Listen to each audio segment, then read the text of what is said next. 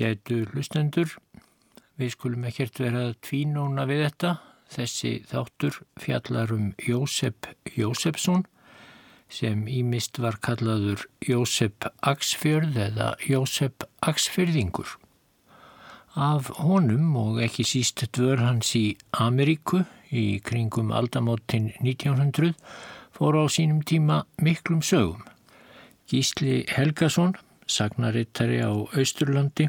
Hann skrifaði í eh, bladið Múlaþing fyrir einum 50 árum þátt um Jósef Axfyrðing sem hann kallaði svo og hann viðurkennir þar fúslega að margt af því sé byggt á sögusögnum frekar en blákaldum staðrindum. En við skulum eins og gísli láta blákaldar staðrindirnar líka milli hluta í byli að minnstakosti og glukka í þennan þátt sem Gísli skrifaði um þennan merkilega mann. Baldin vinnumadur heldur til Ameríku. Það mun hafa verið árið 1884 að austur á hérað kom maður að nafni Jósef Jósefsson. Hann var úr Aksarfyrði og mun fadur hans hafi verið húsmaður um skeið á leifstöðum. Í minningargrein um Jósef Látin þar kemur raunar fram að hann hafi verið fættur annan februar 1860 og 2 og verið svonur Jósefs Brynjólfssonar, Jónssonar frá Hóli í Fjallathingum og konu hans Helgu Eiríksdóttur bónda Eiríkssonar í Ormalóni í Þistilfyrði.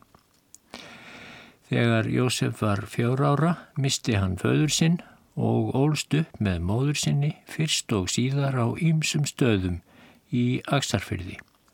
En svo verðist hann sem sagt hafa verið komin austur á hérraðum 1884 að ætlan Gísla Helgasonar sem heldur svo áfram Fyrst heyrði ég hans getið á Hallfreðarstöðum hjá Páli Ólafsinni og víðar mun hann hafa verið í tungunni á þessum slóðum, kaupamaður.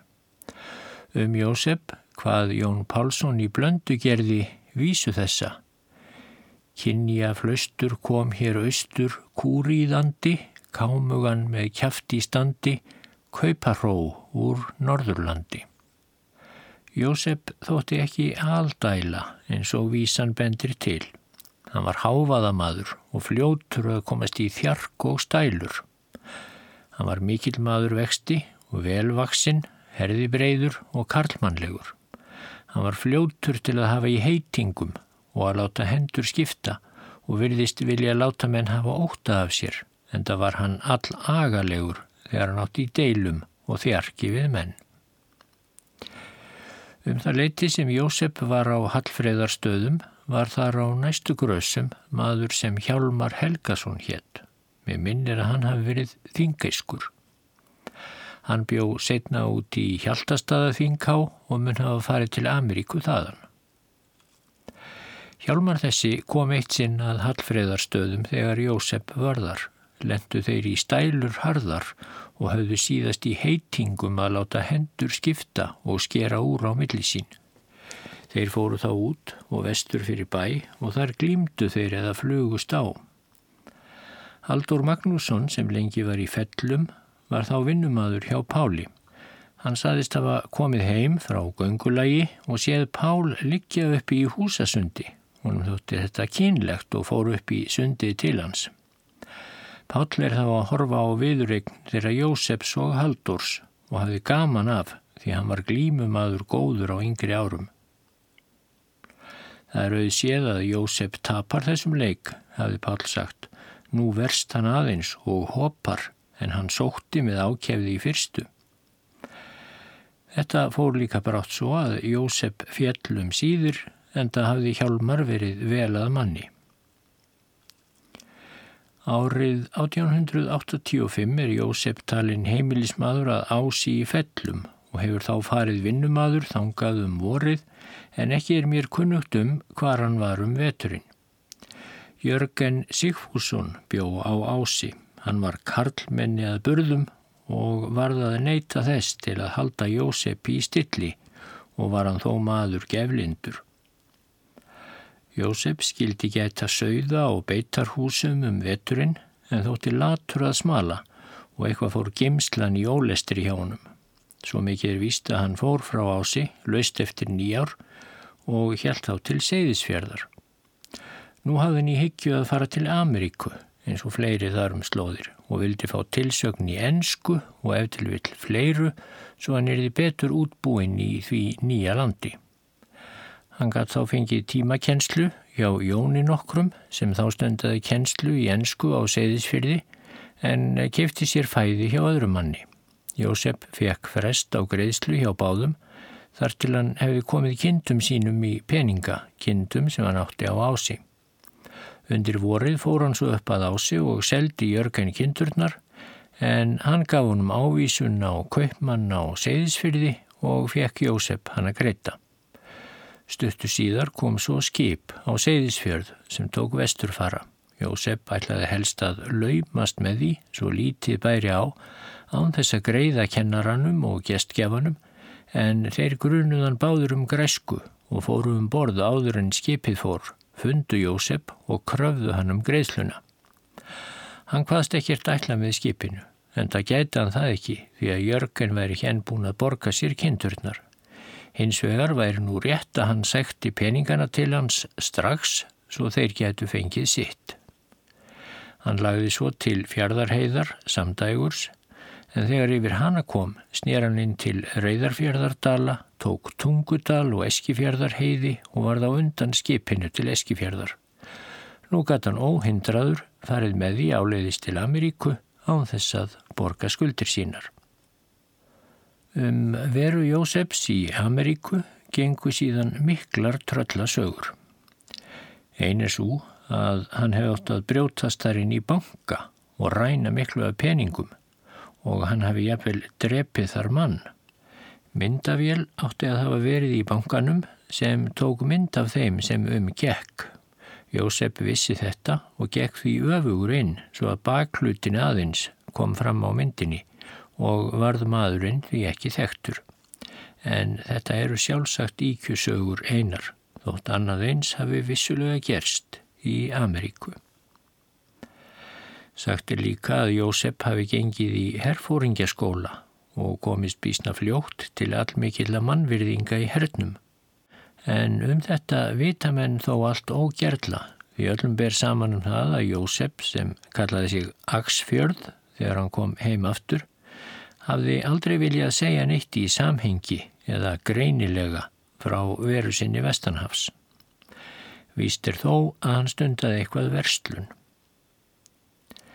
Sigfús Sigfússon, sakfræðingur, kynntist Jósepi mikið eftir að hann kom heim aftur. Bæði voru þeir samvistum á Eyvindará og tíma úr vetri á kettilstöðum á völlum hjá Sigurði Hallgrímsinni. Sigfús var þar að segja til börnum en Jósep var vetrarmadur. Sigfús saði mér að kvöldeitt hefðu þeir verið að stæla sem oftar, Sigurður og Jósep. Jósef taldi sér þá til gildis með öðru herfóringjastöðu sína í Ameríku. Hann leti líka skína í það að hann ætti þó nokkuð af amerísku gulli í fórum sínum. Sigurður hvað lítið að marka múntið úr honum. Hann líi þessu víst öllu um fóringjastöðuna og hann ætti víst ekki bót fyrir rassin á sér því síður ameríst gull. Það væri engu trúandi af öllum þessum þvætningi hans. Jósef harnaði við þetta og sæðist geta síndunum þetta svarta og kvítu. Hann fór þá fram á loft þar sem dót hans var og kom inn eftir æði stund aftur í einkennisbúningi, borðalögðum. Og hann fór ofan í rasvasan og kom með lúkufylli af gullpenningum sem nefna myndi að líkindum alltaf þúsund krónum, helt Sigfús. Eins og að líkum lætur rýndi Sigfús all mikið eftir lifnaði Jósefs vestra. Hann hvaðst hafa talað við hann um bankaránið og reyndað smá tína saman eitt og annað úr veru hans vestra. Jósef sagði þá að bankarán sagan væri tómur tilbúningur en það hefði sér verið það ómögulegt þótt hann hefði haft löngun til. Sigfús sagðist líka halda að þetta væri skáltsaga. En hins vegar sagðist Sigfús hafa reykist á það í fréttapísli, annars hvors blaðsins vestra, að þess var getið að Jósef nokkur Aksfjörð hefði reynst ítla enskum reyðurum en því var ekkert til ísta nánar. Hann saði fréttabrefið hafa verið frá einhverju Íslendingabygð í bandaríkunum en myndi ekki hvar hún var. Hann kom svo að því að Jósef hafi verið einhvers konar farandsali, hafi fengið smá vöruslatta hjá hildsölum, lánaða til ákveðins tíma. Þetta myndi hafa gengið vel um skeið, Jósef staði vel í skilum, traust á honum aukist og honum því verið trúað fyrir meiru. En Svo myndi Jósef hafa glimt að standa skila á síðasta slattanum og laumast yfir landamærin. Þetta held Sigfús að geti verið upp í staðan í bankarónssögunni. Sigfús held líka að Jósef myndi hafa strókið úr bandaríska hernum eða allavega eitthvað orðið endaslepp þjónusta hans þar. Er sennilegt að Jósefi hafi leiðist til lengdar að vera undir heraga og ófrjáls ferðasinna og gerða. Seinast var Jósef með smáverslun í Vinnipeg. Hann hafði eitt og annað skran til sölu en engum var gert orð á ástardrykkjum og leiðbenningum hvers konar við að koma sér í mjúkin hjá kvennþjóðinni. Mér er sagt af greinar góðum manni úr Aksarfyrði að þangað hafi komið maður, með minnir hann hétti Jón Eldon, Hann þekkti síðustu verk Jósefs í Vinnipeg og Jóni saðist svo frá Ungir menn vöndu oft komur sínar til Jósefs, hafa ástardrykkirnir og töfrabröðin sjálfsagt átt sinn þátt í því. Jósef hafi líka hænt á aðsér ungumennina og stundum gefið þeim vín. Eitt sinn voru stattir hjá honum þó nokkrir heldri manna sínir úr borginni. Hann veitir þeim nú óspart áfengi svo að þeir gerast í við ölvaðir. Þá lætur hann skína í það að þeir megi svo sem hafa með sér úr búðinni þar sem þeir helst gerðnist, hann muni ekki rekast í því. Þetta fjall í góðan jarðveg hjá auðrafáum úlingum. Þeir gripu með sér það sem þeir helst gerndust og mátti heita að lokum að farið væri það fyrir besta en Jósef gæt nú fengið vottorð kunnugra um það að þarna hefði farið fram greipdild og þjófnaður. Svo fór Jósef til aðstandenda drengjana og hvað smundu verða að kæra þá fyrir rán og greipdildir.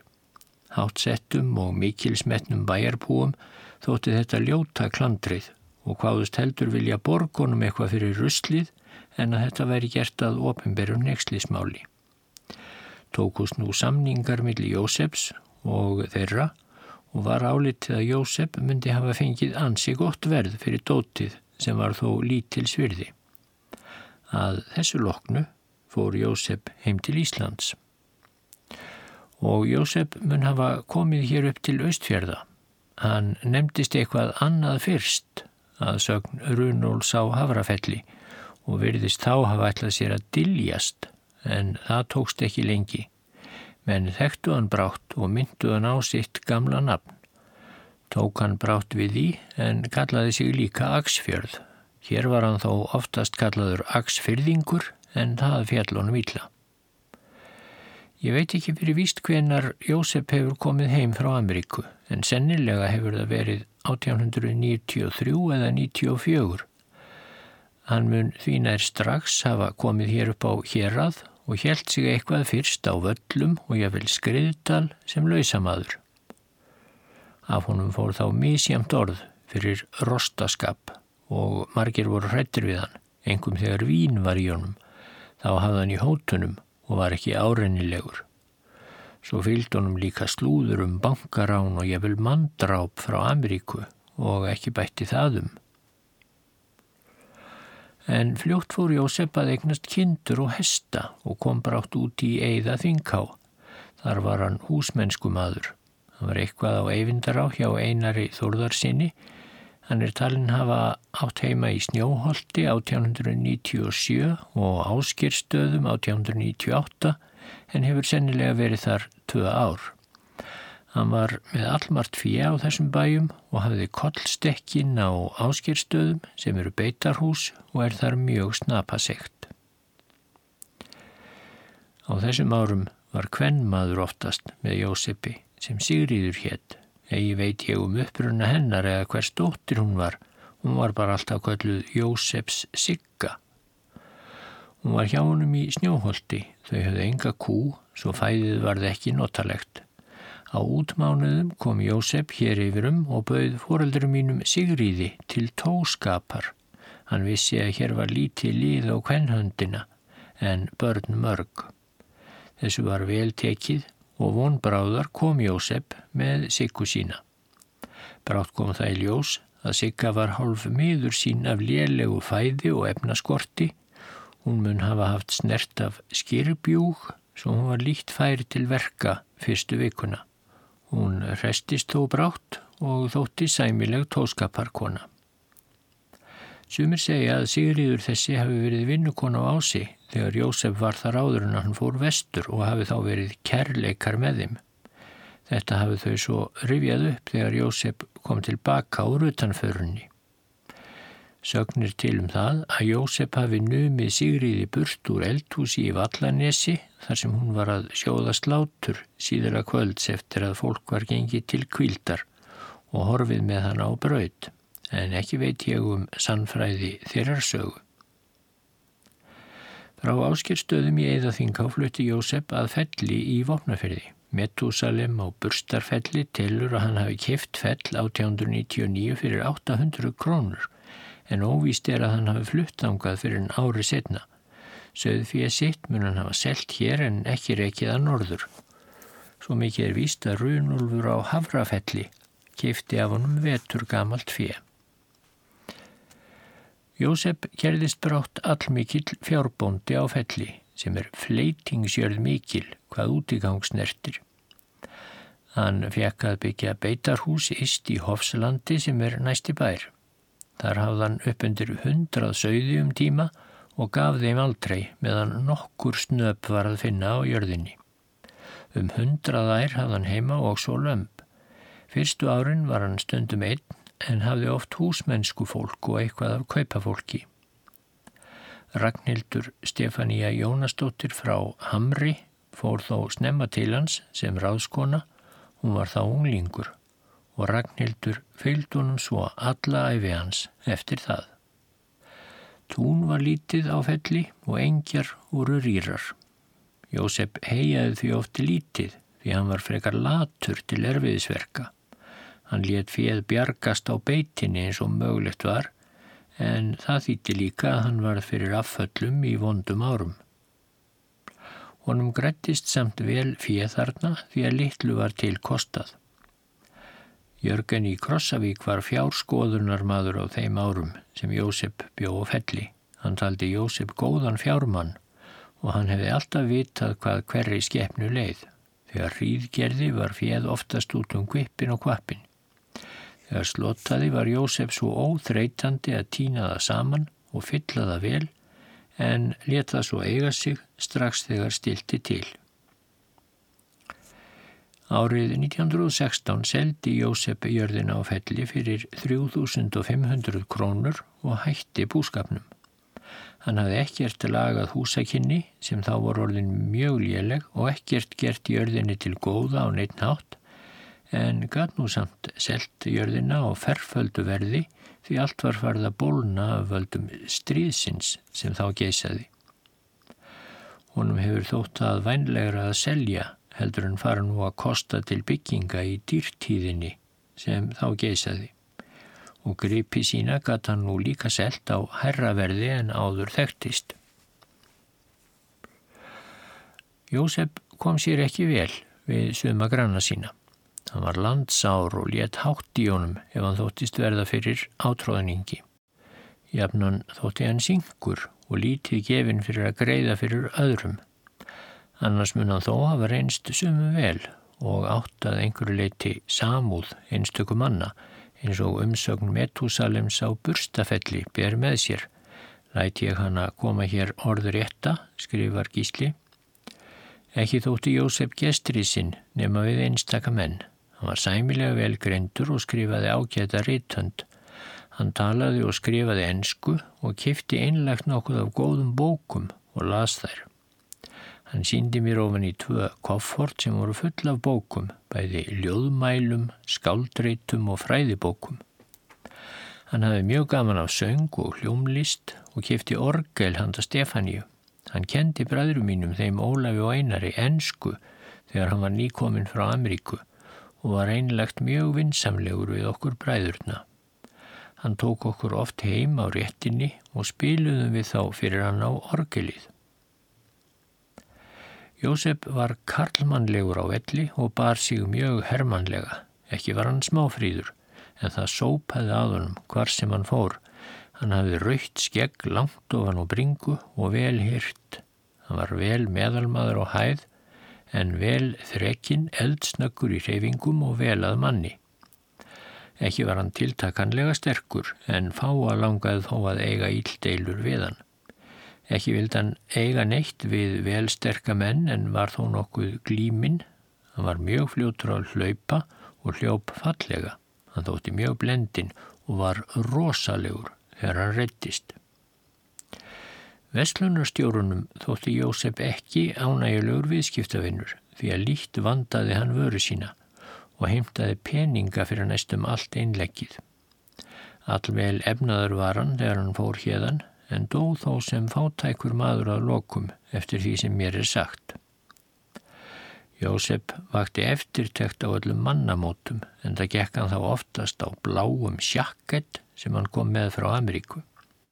Hann átti lengst af góðan reyðhest sem sleipnir hétt en ekki virtist hann fara vel með hann.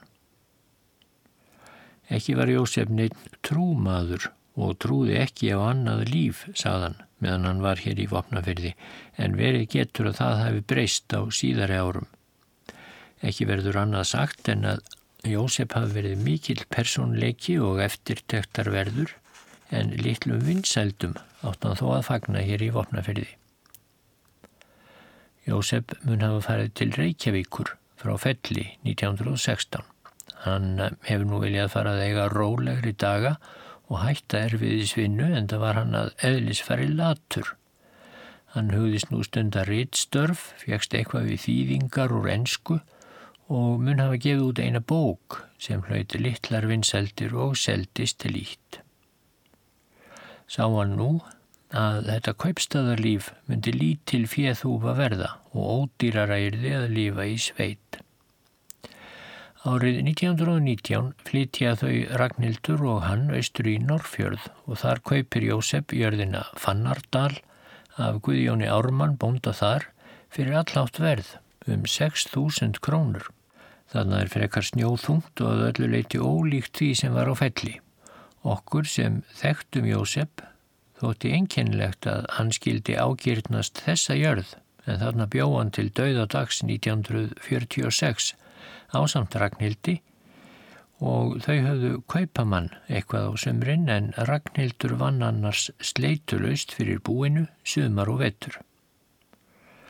Sagt er að þau hefðu haft um 8-10 ær framan af árum, eina kú og þrjá eða fjóra hesta en síðast voru ærnar komnar niður í 40 eða þar um byl. Mísjaflega mun Jósef hafa kynnt sig í Norrferði eins og fyrr og mun lýsingsú sem áður var skráð hér eftir Metúsalem á Burstafelli einnig eiga við hér. Ég kom í Norrfjörð rétt áður en Jósef dó. Þá saði mér kona einn að Jósef kæmi þar ofta á haustin og spyrði sig hvort hún heldi að til væri annað líf. Sjálfur teldi hann það ekki vera til og hún saðist vita að hann spyrði fleiri um þetta en þó aðeins konur. Öllum gemur saman um að Ragnhildur hafi unnið eins og ambátt hjá Jósepi öll árin sem þau voru í Fannardal. Hún varð að raka og þurka heið og hyrða skefnurnar á vetrum. Samt sem áður er síður en svo að hún beri þungan hug til Jóseps. Hún segir í brefi til mín, ég kom til Jóseps 17 ára og var með honum í 40 ár og myndi hafa verið önnur 40 ár ef svo hefði mátt vera. Þetta sínir að Jósef hefur átt til hlíu og góðvild þótt mörgum hafi þótt meira bera á hrjúfu yfirborðinu. Svo mörg voru þau orð Gísla Helgasonar. Þegar Jósef dó árið 1946 þá byrtist í tímanum stutt minningagreinum sem aðeins er mert EP og ég veit ekki hver skrifaði. En þar byrtist að sumuleiti önnur mynd af Jósef Aksfyrðingi heldur enn í skrifum Gísla Helgasonar, engum hvað snerti tugnað og aðtorku sem í Jósefs. Gísli hafði að minnstakosti tvísvar orða á því hver latur Jósef hefði verið en E.P. var nú aldeilis ekki þeirrar skoðunar. Hann eða hún skrifar í minningargreininni Snemma mun hafa borið á því að Jósef undi ítlað að vera undir aðra gefin, mun því hafa valdið hinn sterka frelsis þrá hans og vikingslund. Skömmu eftir tvítúsaldur flutti hann til Ameríku, gekk hann þar þrjá vetur á skóla og namn enska tungu til fullnustu, las hann alla æfi síðan mikið af bókum á því máli. En ekki festi Jósef rætur í Ameríku, taldi hann bæði kosti og galla á landi og þjóð. Letan þess eitt sinn getið við hann sem þessar línur ryttar að það væri sitt álitt að ef Íslendingar hér heima hefðu sínt annan eins dugnað og sjálfs afneitun eins og íslensku landnemarnir í Kanada sem vestur fluttu á árunum 1870 til 90 urðu að sína þar til þess að halda lífinu, þá hefði mótt að reysa marga tugi nýbíla hér heima sem ekki hefði verið síður lífanleg en sumar nýlendurnar vestra. Eftir sjö ára dvöl vestanhafs fluttist Jósef heim aftur og dvaldi þá nokkur ára á ýmsum stöðum á Östurlandi, oftast sem húsmaður eða lausamaður. Árið 1900 kifti hann jörðina fell í vopnafyrði og reisti þar bú og grættist honum brátt fjö á felli en það var Jósef vikingur til vinnu á þeim árum og lagði mikið að sér við búið á felli. Sem dæmi um dugnað Jósefs á þessum árum hefur nákunnugur maður sagt að veturinn 1909 til 10 hafi verið á fóðurum á felli á 500 söðfjár, 17 ross og þrýr nautgripir. Vetur þessi var allharður og vorið erfitt mun Jósef þann vetur sem oftar hafa annast skeppnuhyrðingu einn. Mun það hafi verið ærið starf einu manni en það var Jósef þrekmaður mikill og kraftamaður svo að afbar. Árið 1916 seldi Jósef búið og jörðina fell og var þá talinn stór efnaður maður. Fluttist hann þá til Reykjavíkur og dvaldi þar fá ár. Ekki líkaði Jósef dvölin í Reykjavík, þótti líf sitt þar of aðtapna lítið. Leitaði hann þá fyrir um jarðanæði að nýju og kifti Fannardalin 1920 og bjóð þar síðan. Var bú hans í Fannardal aldrei stort og gekk þó saman hinn síðustu ár. Jósef Axfjörð giftist aldrei og eignaðist enga afkomendur en bústýra var hjá honum 43 ár, Ragnhildur Jónasdóttir ættuð úr vopnafyrði. Síndi Ragnhildur honum sérstaka trúmennsku alla æfi og annaðist hann með nákvæmni eftir að ellin færðist yfir. Arfliti Jósef hanna að öllum egnum sínum.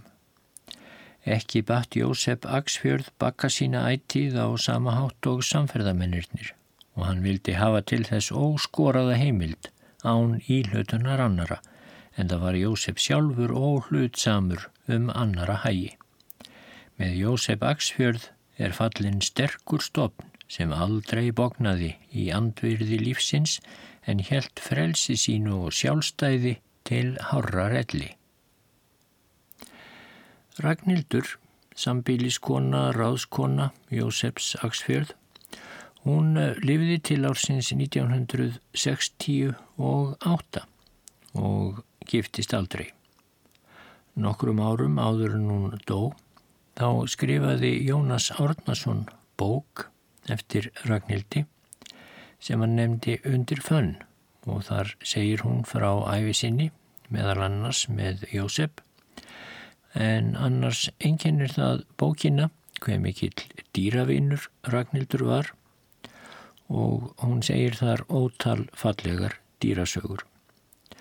Einn þeirra er svona Einu sinni höfðum við Jósef hund sem orti sjálfur sína höfuðlaust eins og eigill forðum.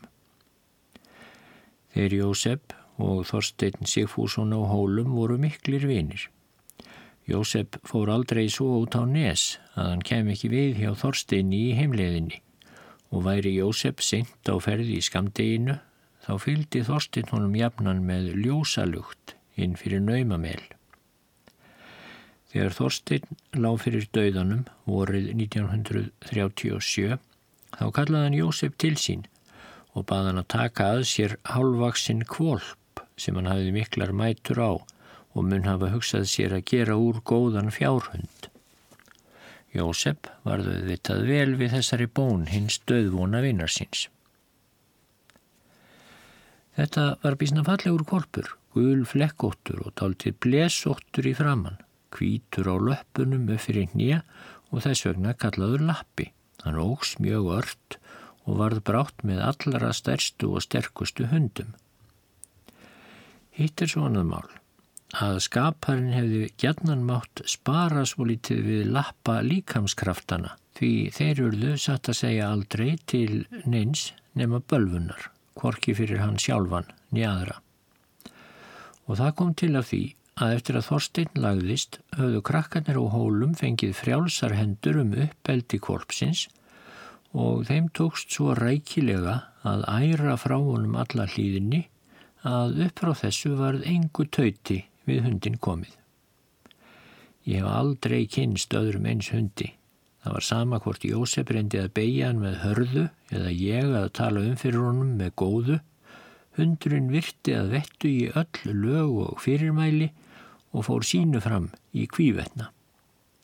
Hann var sjóðandi vittlus í öllum fugglum og þegar gæsahópar fóru um dalinn á leiðsynni upp yfir fönn til varplandana í öræfunum þá eldan þá geltandi inn alla árbakka.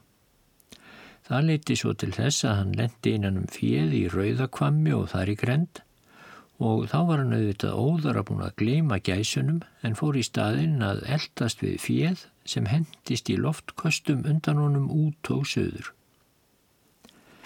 Þegar lappi stálpaðist, þá tók ég hann stundum með mér á aðra bæi, ég vonum að hann hefði af því nokkur þroska að sjá sig um og kynnast öðrum höndum og svo er þann mér kannski svo þakklátur fyrir að veita sér þessa upplýftingu að hann leti mig njóta þess með bættri hegðun þegar heimkæmi. En þessi von mín brást gjörsamlega. Þegar við komum einhver staðar á bæ þá let lappið að jafnan verða sitt fyrsta verk að ráðast á heimahundana og vegna sinna miklu líkamsburða þá sett hann þá undir með það sama og stundum leik hann þá svo grátt að ég var á pinnum um að hann dræpið á alveg. Árangurinn af þessum kynnisferðum okkar hundsins var svo ekki annar en sá að lappi hætti að totla heima en tók í staðin að stunda hernað af svo miklu kappi að eftir fregnum að dæma mun honum oft hafa tekist að gera óskunda og næstum að segja hverjum einasta bæ í sveitinni og þar þau ekki út á nesi í einum og sama leiðangrinum. Heim kom hann yfirleitt ekki til annars en að kvíla sig og sapna kröftum fyrir næstu herrferð gegn öðrum höndum.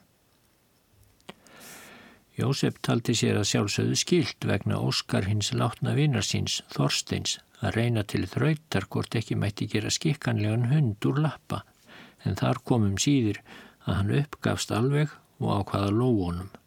Svo ákvörðun allir mér auðvitað sárum hjartasting eins og allir aðrir dauðadómar sem upp voru kveðinir yfir dýrunum okkar í Fannardal. En það hafði ég aldrei efast um að þrátt fyrir allt á væri lappi minn getur ímsum ljúfum tilfinningum sem er réttu atlæti mætti ebla svo að úr honum yrði góður og síðprúður hundur.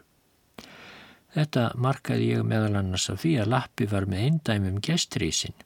Pétur Jónsson á Egilstöðum kom til dæmis eitt sinn í Fannardal á ferð sem hann fór á vegum hins opumbera til að kynna sér húsakosti í sveitum og Lappi var svo fegin heimsókninni að hann flögi upp í fangið á Pétri og lagði framfætturna um hálsin á honum.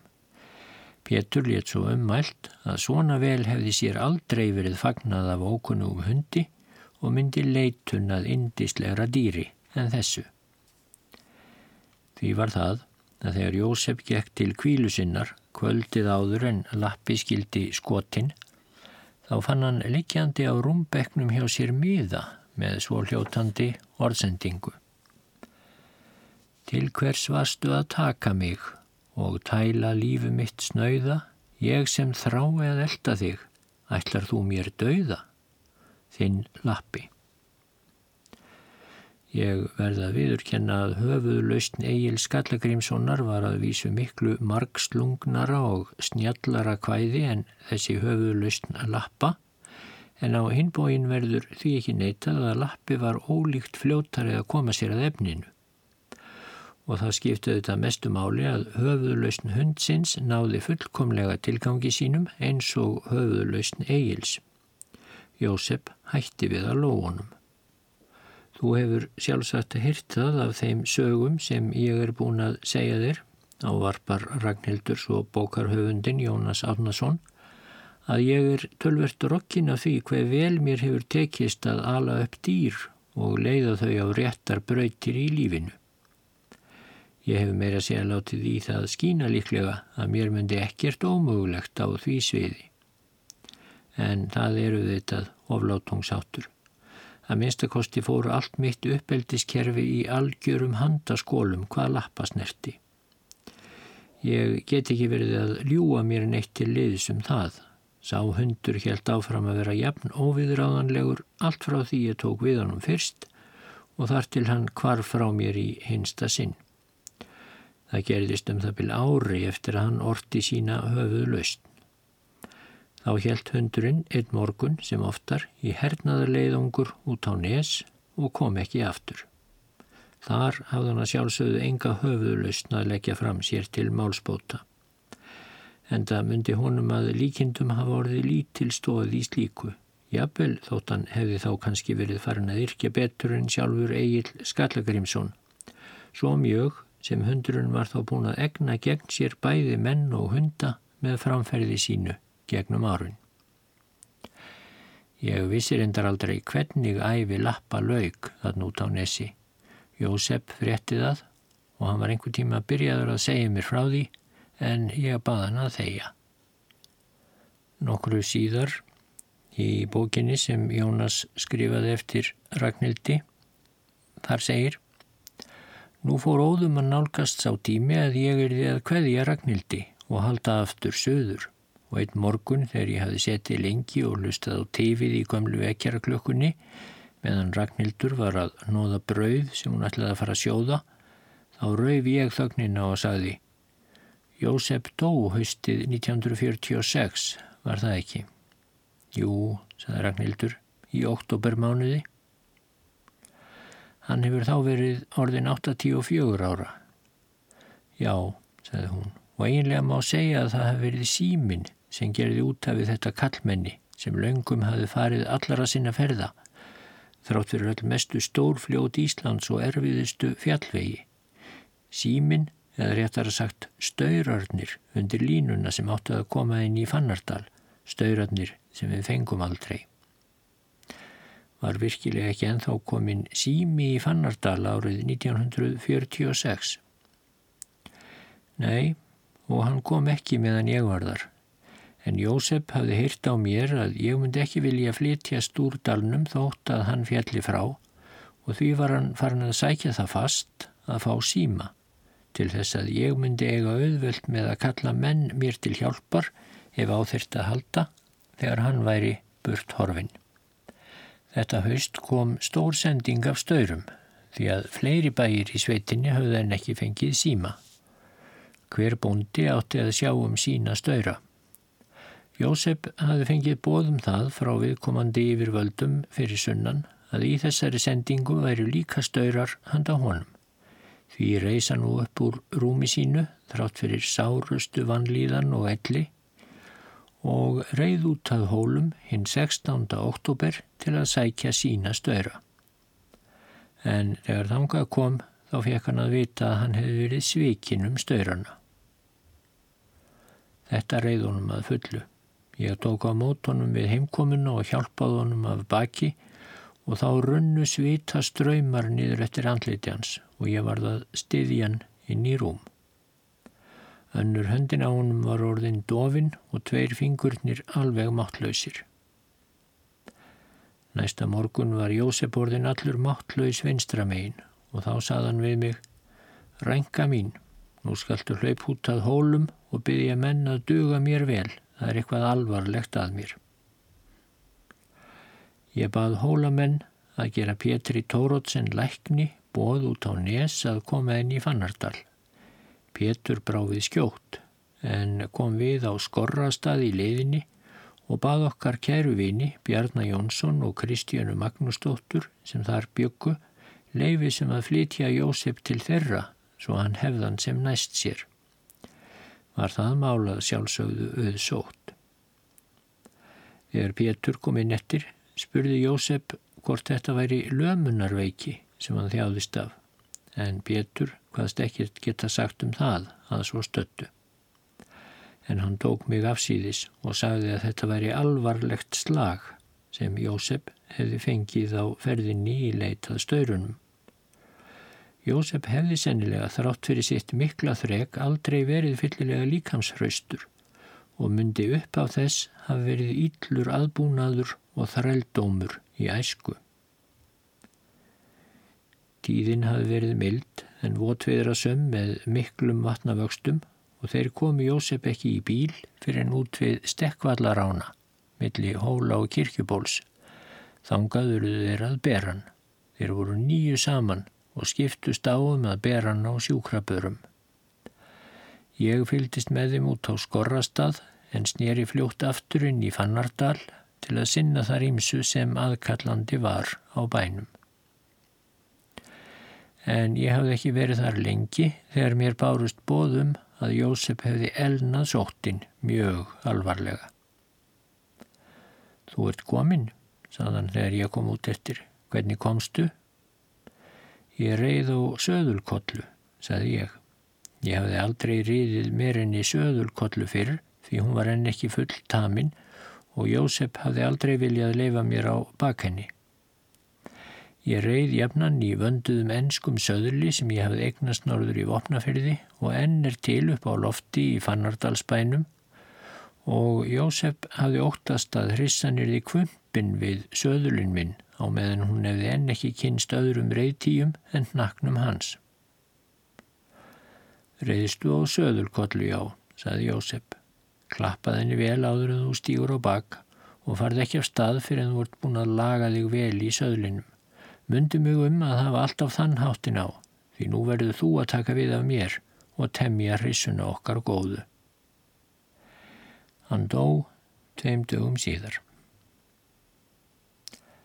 Ragnhildur var búin að hnóða degið og leta í dunkin og kom dunkunum fyrir í pottinum og setti hlemmin á pottin og steinana tvo á hlemmin. Síðan settist hún hjá mér við borðið og þegar við höfðum setið þar saman þegjandi stundar korn og hlustað á tífið í gömlu vekjaraklökkunni þá raufi ég aftur þögnina. Það er eitt sem ég get alls ekki skilið, Ragnhildur, hvernig ósköpunum stóð á því að þú fluttist ekki úr Fannardal þegar Jósef var fallin frá í stað þess að halda áfram að búa þar einn og fjarrri öllu fólki. Nei, þú skilur það ekki. Þú spyrði eins og heiðlóan mín forðum og ætli sé ekki best að svara þér eins og henni sem er eru bara svona gerðir. En þér hlýtur að hafa leiðist aldeilis óskaplega að vera þarna, alein og yfirgefin, að minnstu kosta á vetturna. Leiðist mér, alein og yfirgefin, ég með öll dýrin mín og útvarpið að auki. Þetta er auðvitað erfitt og sannarlega enginn sæla, en það sem tjáði mig voru ekki leiðindi í venjulegri merkingu orðsins. Ég held einmitt áfram að búa á Fannardal til að þurfu ekki að þóla leiðindi ofan á allt annað. Þú minnist á útvarpið. Já, saði Ragnhildur, Ég fekk það strax á fyrstu jólunum eftir að Jósef dó. Meinarðu að útvarp hafi ekki hyrst í Fannardal fyrir en þá, árið 1946? Já, ég meina það. Jósef var á mótið í. Hann hafi trú á bókum en hann saði að útvarp væri bara vittleisa. Þú fyrirgefur þó ég segja það Ragnhildur en mér heyrist á ymsu að Jósef þessi hafi ekki verið alveg laus við sérvisku. Nei, hann Jósef var svo sannarlega ekki laus við sérvisku. Hann var að sumuleiti mjög sérvitur. En þú víst líka að það hafa æfinlega verið til menn sem eru hvortveikja í senn, mjög sérvitrir og mjög vitrir. Og Jósef Aksfyrðingur var einn af þeim.